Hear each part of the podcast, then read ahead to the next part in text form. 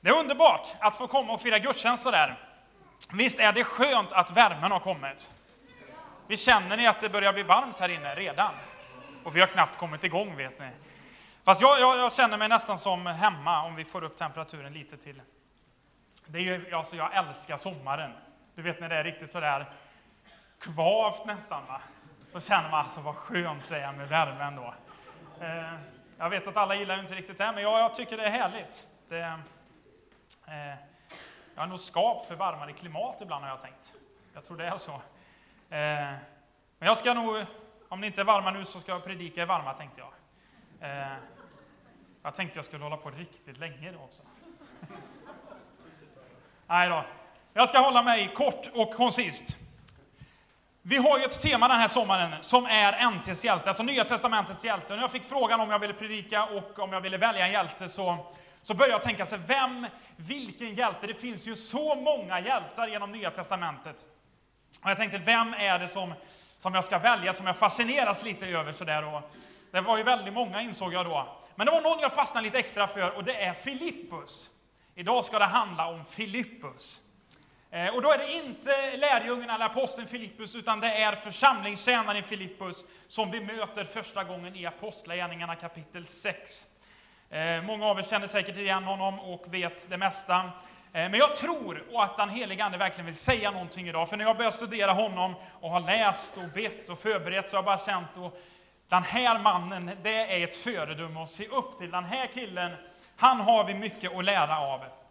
Jag tänkte att vi skulle läsa tillsammans från Apostlagärningarna kapitel 6 och vers 1 till och med 7. Eh, så att har du din bibel med dig får du mer än gärna slå upp den. Eh, det kommer på skärmen, men det är alltid härligt att få bläddra lite om inte annat. Eh, så Apostlagärningarna kapitel 6 och vers 1 till 7. Så står det då så här, vid den tiden då antalet lärjungar ökade, så började de grekisktalande judarna klaga på de infödda judarna över att deras änkor blev förbisedda vid den dagliga utdelningen. Då kallade de tolv till sig alla lärjungarna och sade, det är inte bra att vi försummar Guds ord för att göra tjänst vid borden. Nej, bröder, utse bland er sju män som har gott anseende och är uppfyllda av ande och vishet, så ger vi dem den uppgiften. Själva så ska vi ägna oss åt bönen och åt ordets tjänst. Alla de församlade tyckte att förslaget var gott och de valde Stefanus, en man uppfylld av tro och den helige Ande, vidare. Filippus, Prokorus, Nikanor, Timon, Parmenas och Nikolaus, en proselyt från Antiochia. Dessa förde de fram inför apostlarna som bad och lade händerna på dem, och Guds ord hade framgång och antalet lärjungar i Jerusalem ökade kraftigt. Även en stor skara präster blev lydiga mot tron. En väldigt spännande text. Vi har eh, den liksom första församlingen här i Jerusalem. Som det står att vid den tiden då antalet lärjungar ökade, så har vi alltså kyrkan i Jerusalem som växer och så växer han och växer. Människor kommer till tro, de döper och de blir allt fler och fler. Och alla som vet att när man växer så utvecklas det och så förändras det och så blir det inte riktigt som det var innan. Och så är det precis i den här församlingen också i Jerusalem, att han börjar växa och så uppstår det lite skav, lite gnäll, lite sådär irritation. Och så börjar vissa inse, ja, men det, det, liksom, allt stämmer inte, saker börjar falla mellan stolarna. Och de som är apostlarna, de tolv lärjungarna, inser att vi klarar inte själva att rodda alla uppgifter. Det blir för mycket. För många människor kommer till tro så vi hinner inte riktigt med. Så man kommer till de här tolv och säger det att våra, våra änkor här, de eh, blir förbisedda vid den dagliga utdelningen, ni måste göra någonting med det här. Så man tar liksom tag i problemet och så samlas man och så lägger man fram förslaget att det är dags att vi utser och får in fler folk i funktion. Och det är alltid vad som händer när en församling växer. Fler folk måste in i funktion. Fler folk måste tjäna, fler folk måste vara med och ge av sin tid, sitt engagemang för att riket ska fortsätta att expandera och växa. Så man hittar då och säger det finns några kriterier. Det ska vara sju män här som har gott anseende, de ska vara uppfyllda av ande och de ska vara uppfyllda av vishet. Och så börjar man leta då efter sju stycken som är uppfyllda av ande och vishet och som har gott anseende. Och så börjar man leta och till slut då så hittar man de här eh, sju männen här, bland annat Filippus då. Och här börjar han på något sätt sin tjänst. Och jag vet inte vad han har gjort innan, jag vet inte vem han är riktigt. Men plötsligt så bara inser jag, här är det en man som har gott anseende, han är fylld av ande och vishet och han säger, jag vill vara med. Jag vill vara med och tjäna i köket. Jag vill vara med och liksom laga mat här och dela ut mat och vara med och bygga Guds rike. För det är precis vad som händer. Han vill vara med över den dagliga utdelningen. Och jag börjar tänka lite på det där när någonting växer. Hemma så gillar jag att odla och så, Eh, och så där. Jag försöker, det är inte alltid allt överlever, men man gör ju sitt bästa. Men för ett tag sedan så tog jag en apelsinkärna och så tryckte jag ner den i jorden och så tänkte jag nu Josua ska vi allt se hur saker kan växa här. Och så tryckte vi ner den i en liten kruka och så vattnade vi och så gick tiden och plötsligt så började det komma upp lite små gröna blad och nu så är den några centimeter hög med några fler blad och så börjar det bli en liten stam på den. Och, och jag insåg att allt som växer förändras. Eller hur? Det hade ju inte varit lika roligt om jag hade lagt det där fröet på diskbänken och sagt kolla nu, vad härligt. Och så tittar vi på och så händer ingenting. Utan fröet var ju meningen att det faktiskt skulle dö bort ifrån sig själv, tryckas ner i jorden, vattnas, få värme, lite kärlek ifrån när man pratar med det och sådär. Och så börjar det växa. Och så händer någonting, och så blir det någonting som det inte alls var innan. Utan plötsligt så börjar det liksom bli större. Och kanske jag tvivlar väl lite, får jag erkänna, på att det ska bli stora apelsiner på det här trädet hemma. Men, men det, kan, det är i alla fall några centimeter. Vi får se om en 20-30 år. Eh, när man har en 30 grader inomhus, tapeterna har ramlat ner och man känner att nu kanske trädet kan börja ge frukt här. Ja, men det som jag tycker är spännande, allt som växer utvecklas och förändras hela tiden. Och jag har tänkt med Josua, med, han, han växer och ibland, någon gång har jag vaknat på natten och så säger han, pappa, det gör ont i benen, säger han. Det gör ont i benen. Ja, men det är för att du växer. Jag tror det i alla fall. När jag var liten så gjorde det också ont i mina ben ibland. Och jag, någon sa till mig att det var för att jag växte. Och jag tänker att när saker växer så gör det ont ibland. Men det måste till för att det ska bli större och utvecklas och bli vad det är tänkt att vara. Och så är det med församlingen i Jerusalem, att alla var ju inte nöjda i början. Det blev lite växtföljd, man började klaga. Det, alla får inte som de vill här. Men vad gjorde man? Man samlades allihopa. Eller hur? Alla församlade tyckte att förslaget var gott, sen och så lyfter man fram och säger fler människor måste in i tjänst. Fler människor som vill vara med och tjäna, som vill vara med och bygga, bygga Guds rike. Fler människor med en glädje, en entusiasm som säger, vi vill vara med. Och vad hände då? Jo, då tittar man att man för fram de här sju människorna, man lägger händerna på dem, man ber för dem och så står det, och Guds ord hade framgång och antalet lärjungar i Jerusalem ökade kraftigt. Nu var det inte bara att de ökade, utan nu ökade antalet lärjungar kraftigt. Det måste innebära att många nya kommer till tro och döps hela tiden. Varför då? Därför att man tog tag i problemet och så började man liksom få in fler folk i funktion. Till och med en stor skala präster blir lydiga mot tron. Jag tycker det är fantastiskt när även prästerna är med i matchen. Vet du. Va? Det är gott när de också är lydiga mot tron. Och det var konsekvensen av att de började eh, liksom, ta tag i problemet och börja göra någonting. Och här, mitt i den här liksom, rörelsen, mitt i den här församlingen som växer i Jerusalem, så står Filippus. Den är mannen som plötsligt kliver in i tjänst och börjar liksom vara med i köket. Och när man ser här fortsättningen så, så var den första som räknades upp var Stefanus. Och han började att predika och massor av saker hände, vet du.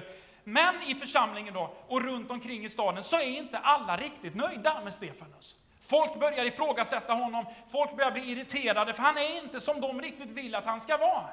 Och till slut så går det så illa att man faktiskt stenar Stefanus. Man liksom får med sig folk och bara är irriterad och säger saker, tror jag till och med, som inte riktigt har hänt. Och Stefanus står där och försvarar sig, men till slut så börjar de kasta stenar på Stefanus så pass mycket att han till slut mister livet. Kan ni tänka er Stefanus, en av dem som var med och hjälpte till i köket, som såg sin uppgift som så viktig och även delade Guds ord. Och det står att när man var samlade runt Stefanus och började kasta stenar på honom och började att avrätta honom, så faller han ner på knä och så säger han så här, Herre, ställ dem inte till svars för denna synd. Stenarna har börjat liksom hagla på honom. Han faller ner på knä till slut. Precis innan så har han sagt, Herre, ta emot min ande. Han håller på att mista livet, men han vet att jag är på väg mot ett annat rike. Han vet att det finns någonting som är bättre. Så han tittar, jag förstår knappt Man tittar på dem och säger, Herre, ställ dem inte till svars för denna synd. Förstå vilken inställning den här Stefanus hade. Förstå, trots att de håller på att ha ihjäl honom, så säger han ändå, ställ dem inte till svars. Förlåt dem, Herre. Och jag har tänkt, vad, vad var det med Stefanus som gjorde honom så gripen? Någonting som jag längtar, som jag ber, som jag ropar efter ska drabba våra liv och vår församling. En sån överlåtenhet, en sån passion för Guds rike, att man aldrig någonsin kompromissar med evangeliet.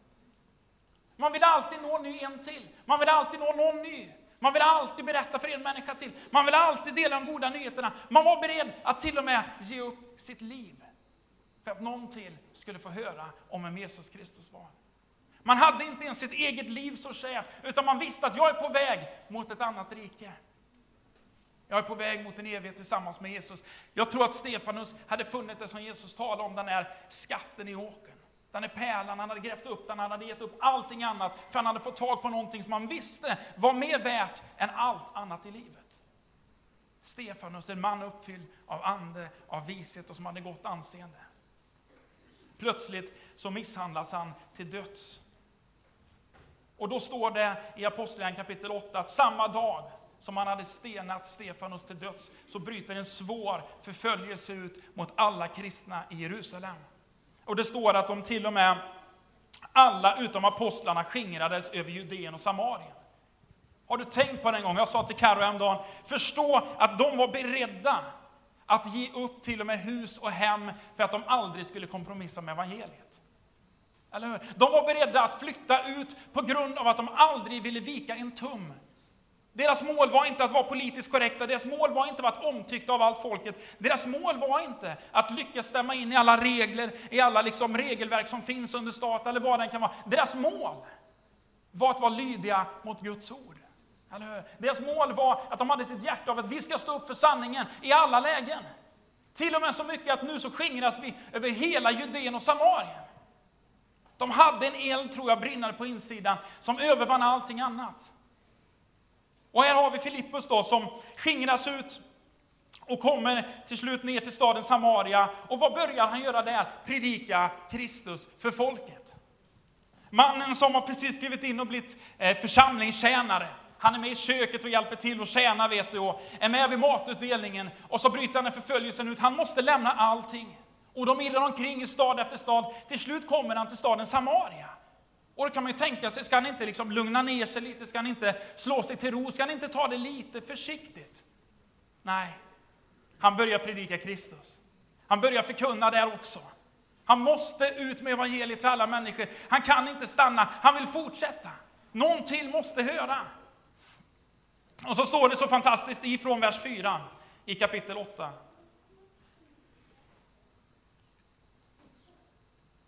Att de som nu hade skingrats gick omkring och predikade evangeliet Filippus kom ner till staden Samaria och predikade Kristus för folket. Och de höll sig endräktigt till det som Filippus predikade. När de hörde och såg det tecken som han gjorde. Till under höga skrik så får orena andar ut ur många människor och många lama och lytta botades. Och det blev stor glädje i den staden.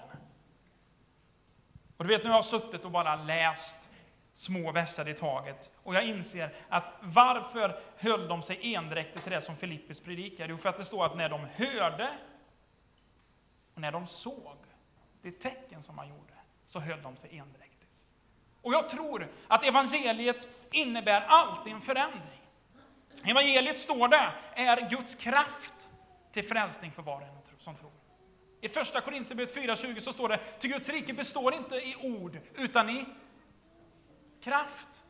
Eller hur? Det finns en enorm kraft i evangeliet som alltid förändrar, som alltid förvandlar, som alltid formar oss, som på något sätt alltid drar oss närmare Kristus. Och då står det att de höll sig endriktigt till Filippus, vad han predikade, när de hörde och såg det tecken som han gjorde. Och vad var det de såg? Vad var det de hörde för någonting? Ty under höga skrik for orena andar ut ur många människor. Och det står faktiskt under höga skrik. Och tänk, men det är ju inte så trevligt eller sofistikerat eller så underbart om det är bara höga skrik och det härjas. Nej, men det var vad som hände. Det står under höga skrik, for orena andar ut ur många människor. Och det här är faktiskt evangeliet, kära vänner. Många lama och lytta botades. Jag tror inte de var där för att i första hand det var en fin predikan. De var där för att det hände någonting när Filippus predikade. Och det där längtar jag efter. Jag har haft förmånen att resa runt i världen på lite olika platser och haft kampanjer och andra möten. Och du vet, evangeliet när det kommer till en ny plats ibland, det bara bryter fram med under och tecken. Jag är inte ute efter att första hand så ska det vara massa under och tecken i sig. För det viktigaste är att människor kommer till Kristus och upptäcker och lär känna honom. Men när evangeliet predikas så sker det under och tecken. Och det står ändå i Guds ord att folk höll sig till det som Filippus predikade när de hörde och såg vad som hände. Och jag minns när vi hade kampanjer i, i Zambia. Och efter eh, det hade predikats och vi, vi stod framför scenen och skulle vara med och be för människor så, så kunde man nästan se ibland innan de onda orena andarna skulle uppenbara sig. Jag vet, jag stod det kväll efter kväll när man såg hur ögonen började snurra på människor. Och du vet, de, de snirklade omkring som ormar och lät och vi fick bära folk på löpande band in i ett befrielsetält och kasta ut onda andar. Du vet, vi hade, det var afrikanska upptränade förebedjare. Alltså det var så underbart att gå in i det där befrielsetältet tänkte jag säga. De hade bett och de hade bett ordentligt. Och du vet när man bara gick in där och nästan lämnade av människor och så stod de där och kastade ut onda andar. Och då är det inte för effekten, åh vad, vad, vad coolt, sen. absolut inte. Människor blev befriade. Du vet lyckan är ett par ögon när en ond ande eller oren ande har lämnat en människa. Lyckan över att inte vara bunden längre, inte tvingad att höra de där rösterna, måste göra de där grejerna. Vi har haft människor på kampanjer som har blivit liksom fastsurrade på en åsnekärra och så har de försökt köra dit dem, de har ändå slitit sig loss på vägen därför att de har varit så vilda. Du vet, det var så här evangeliet verkade vara när Filippus kom i Samaria. Under höga skrik så kastade han ut orena andar och många lama och lytta botades. Och jag tänker det där, evangeliet är Guds kraft. Det händer någonting, det är ett praktiskt budskap som får en konsekvens i våra liv. Och det är så många grejer, många gånger menar jag, som jag tänker och jag säger till Karo hemma, vad, vad, är det som saknas i vårt land ibland? Vad är det som saknas i våran stad ibland? Är det för att vi inte är tillräckligt överlåtna? Är det för att vi kompromissar? Eller vad är det som saknas för att vi ska få se samma kraft i evangeliet verka här? För någonstans så ropar mitt hjärta, det längtar och det ber. Evangeliet är kraft till befrielse. Evangeliet är kraft till förändring. Men jag är rädd att vi så många gånger kompromissar. För att vi ska vara ganska fina, vi ska sjunga rätt sånger, vi ska bete oss på rätt sätt, det får inte sticka ut, det får inte vara annorlunda. Och så tappar vi tjänar evangeliet. Det står att de till och med stod upp så mycket och att människor inte tyckte om dem att man bröt ut med en så svår förföljelse att man flyttade från stad till stad. Kan du tänka dig att du står upp så mycket att dina grannar är så arga på dig till slut att de driver dig ut ur den bostad du har och du måste lämna och åka vidare till en annan stad?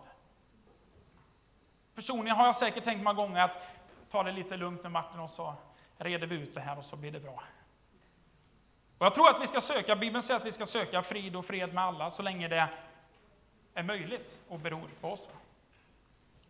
Men aldrig att vi ska tumma på evangeliet, eller dess kraft, eller våra värderingar. Och i dagens samhälle, att stå upp för Bibelns värderingar och vad Guds ord säger, tror jag faktiskt skulle skapa mer förföljelse i Sverige än vad vi tror. Men fortsätter man att följa Filippus här, så Ja, det, är så, det finns så mycket i hans liv här. Men om man tittar i kapitel 8, i fortsättningen här, och från vers 26. Ni är inte trötta än, va? Nej. Jag ska se hur klockan fungerar här. Det ser positivt ut. Ifrån eh, vers 26 så står det en Herrens ängel talade till Filippus. Alltså redan här kan jag ju gå igång. En Herrens ängel talade med Filippus. Eh, Visst är det underbart? Jag vet inte hur ofta du sitter hemma och Herrens ängel talar med dig. Du kanske gör det varje dag, det vet inte jag. Men, eh, en Herrens ängel talade till Filippus. Gå vid middagstiden ut på vägen som leder från Jerusalem ner till Gaza. Den ligger öde. En sån underbar hälsning. Ska ni inte kalla honom in bland folk? Nej, men gå ner till vägen, han ligger öde. kan stå där ett tag. Och då undrar jag ju, om Gud hade sagt det till oss, tänker vi yes, det går jag på, eller men snälla någon, det är nog inte från Gud. Inte ska jag gå ner till vägen som leder mellan Skövde och Skultorp, ja, den kanske inte är öde då, men...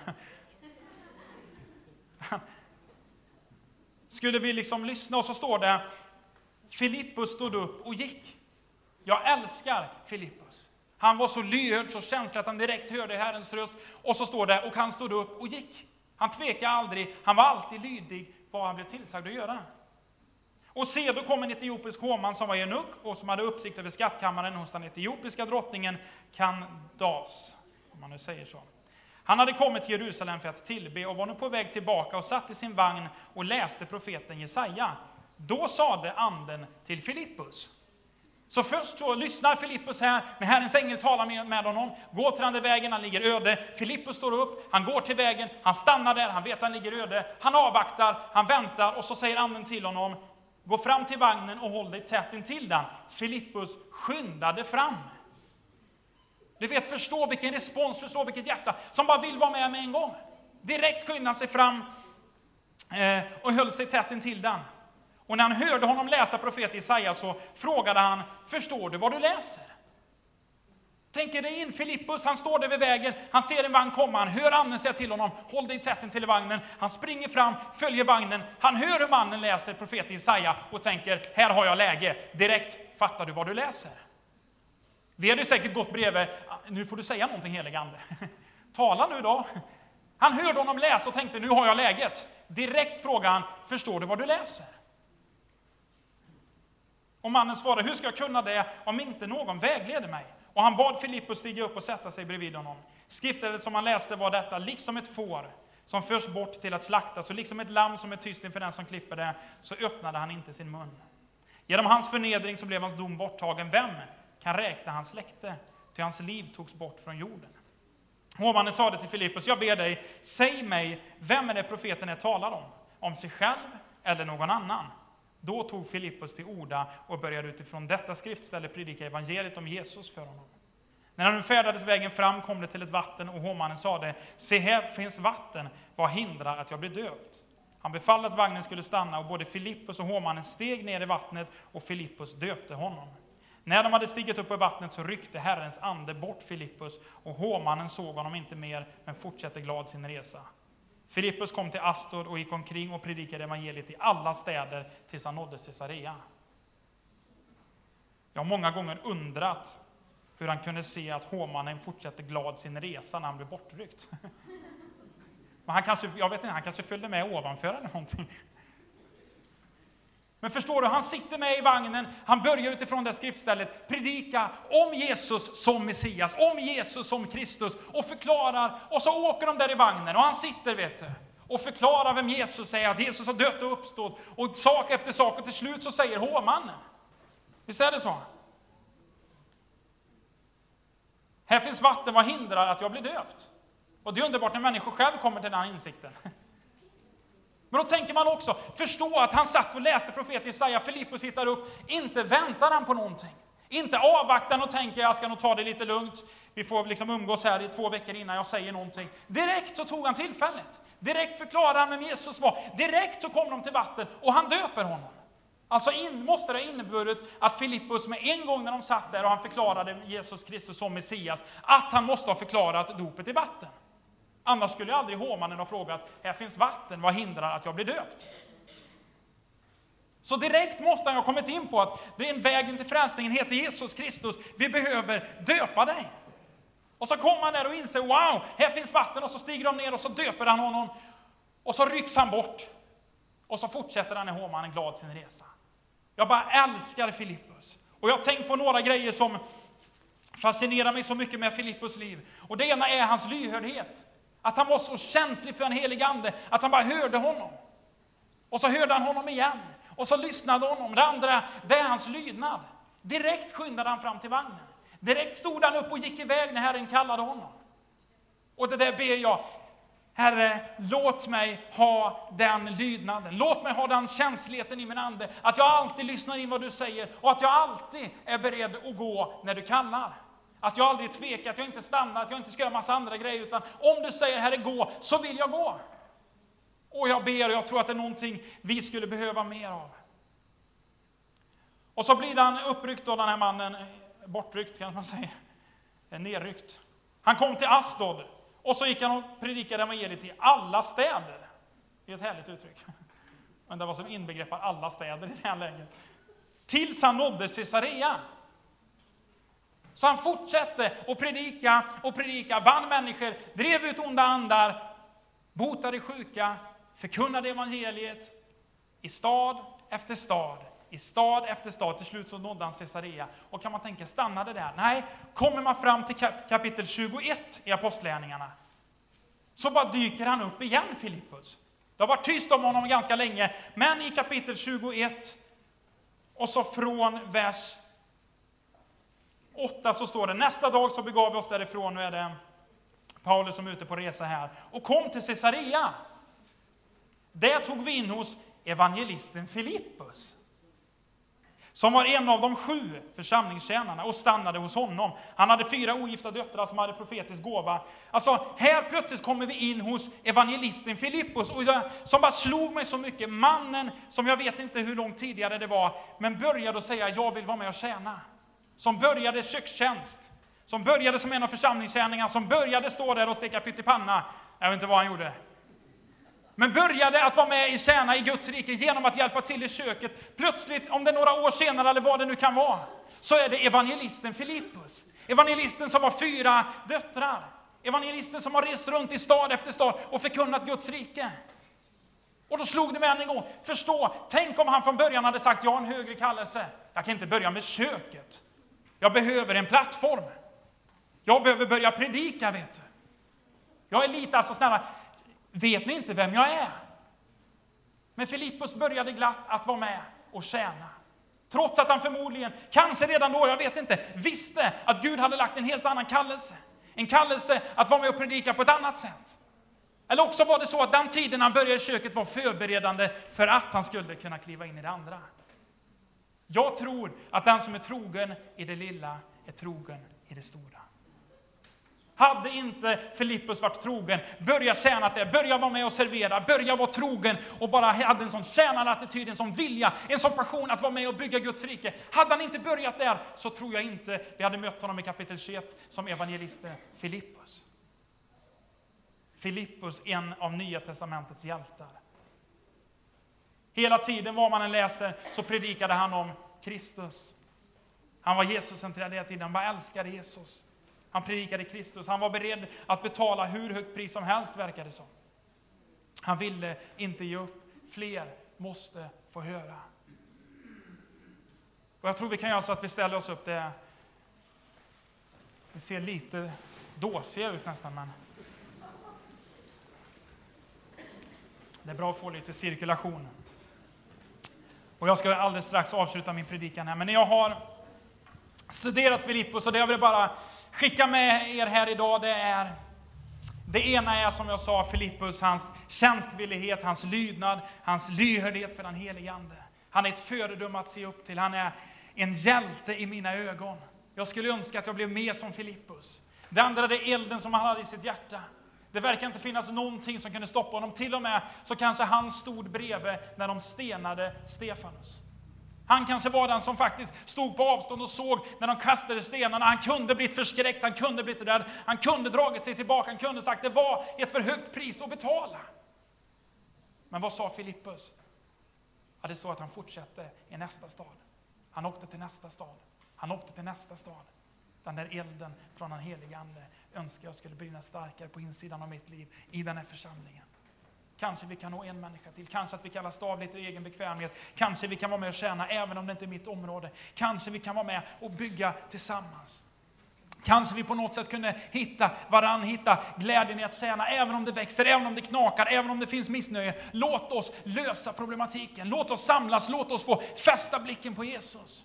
Låt oss vara med och bygga hans rike. Låt oss inte vara så självcentrerade att det bara handlar om mig och mitt och mina saker och hur jag vill ha det. Utan låt oss hitta varann älska varandra och på något sätt vara med och bygga Guds rike i en ande, i ett hjärta.